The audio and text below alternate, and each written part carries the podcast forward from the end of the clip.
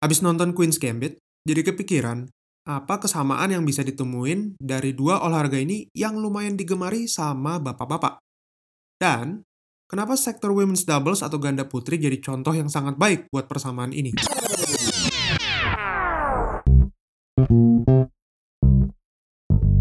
Baik lagi sama gue Ibi di podcast Tepak Bulu episode ke-27 Challenge 30 hari bersuara persembahan The Podcasters Indonesia Dan gue hari ini bakal pengen ngomongin soal endgame dalam badminton. Karena kebetulan temanya tentang akhir.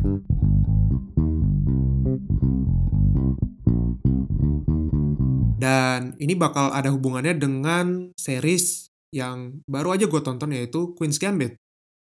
Buat yang belum pernah nonton Queen's Gambit, gue nggak akan spoiler kok di sini tenang aja kok. Tapi lebih mencoba buat ngejelasin apa pemahaman gue soal catur yang ngasal ini dan pemahaman gue soal bulu takis yang sama ngasalnya juga. Intinya gitu aja. Maaf maaf ya kalau misalnya emang e, pemahaman gue salah atau apa tinggal kalian ralat aja gitu. Di catur sendiri misalnya kagak bisa sembarangan kalian tuh naruh pion di kotak permainan tanpa kenal aturannya terlebih dahulu. Singkatnya, kalau di catur ada beberapa jenis pion atau buah yang beda-beda.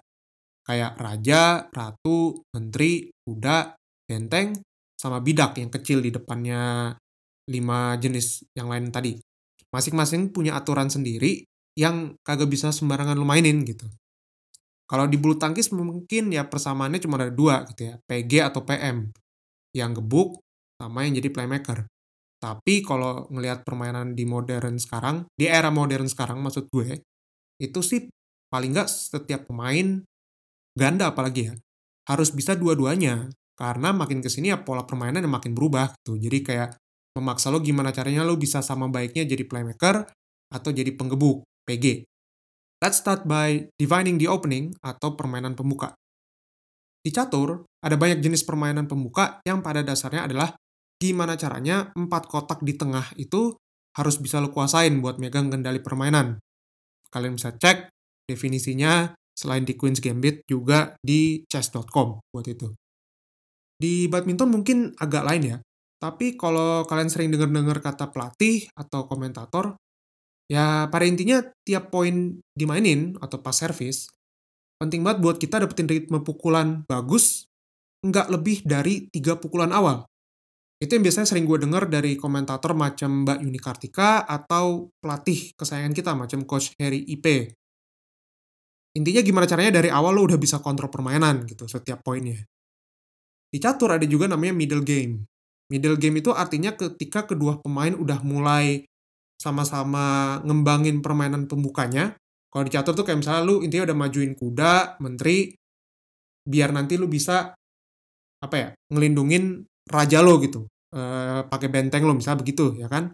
Berarti lo udah tandanya udah siap buat masuk ke tengah-tengah permainan gitu. Kalau di badminton e, jangka panjangnya mungkinnya adalah kayak siapa yang bisa dapetin poin 11 duluan sebelum jeda interval. Kan biasa tuh abis poin 11 ada jeda dulu interval istirahat semenit gitu kan itu penting banget buat dapetin poin itu supaya momentumnya kejaga meskipun ya kadang-kadang lo nggak bisa jadiin itu jaminan kalau itu bakal menang gitu. Artinya lo udah poin 11 duluan terus lo bisa menang saat itu. Nggak juga gitu. Apalagi kalau misalnya lo tiba-tiba hilang fokus. Wah udah. Kelar lo. Cuman yang paling terakhir ini adalah gimana caranya sang pemain bisa nyelesain end game mereka. Ini yang pengen gue bahas. Paling nggak lumayan panjang gitu ya. Dengan mengutip kalimat pamungkas. Bambang. nya Oma Jill Clark, It doesn't matter how you start the game, it's how you finish. Yang kurang lebih artinya gimana caranya lo nyelesain permainan itu, itu yang paling penting. Yang agak susah didefinisiin sebenarnya di sini adalah endgame-nya itu sendiri gitu. Di badminton ya maksud gue. Kalau di catur endgame tuh udah jelas gitu ya. Uh, dalam artian lo sudah tahu openingnya seperti apa, middle gamenya seperti apa, kemudian end gamenya seperti apa gitu. Bagaimana cara nyelesain, gimana cara supaya uh, ngepung si raja misalnya gitu ya. Uh, tapi biasanya end game di catur itu bisa berujung kemenangan atau kekalahan atau stalemate. Dalam artian kedua pemain itu mutusin buat mengakhiri permainan dengan seri. Gitu misalnya. Kalau di badminton, enggak. Badminton cuma ada dua outcome aja. Pemain yang berhasil dapetin angka 21 duluan, atau minimal angka yang lebih banyak, dua angka maksudnya, dua angka yang lebih banyak, kalau sekiranya ada kejadian 20-20 atau juice misalnya. Ya intinya, lo cuma bisa menang atau kalah di badminton. Udah gitu aja. Sebenarnya ngelihat end game dalam badminton tuh itu simple sebenarnya, tapi ada ribetnya juga gitu. Maksudnya gimana? Maksudnya gini, ribetnya tuh kalau misalnya kadang di poin 20 nih, lu udah unggul 20 sekian. Terus lu grogi. Kayak yang pernah gue jelasin di episode 23 gitu kan, soal tikung-nikung. Ya, apa namanya, ya lu bisa jadi ditikung sama lawan lu gitu ya. Dan lawan lu artinya punya end game yang lebih mantep gitu, karena dia bisa nikung lo, padahal udah poin lu 20 duluan, tapi tiba-tiba lu kalah gitu di set itu.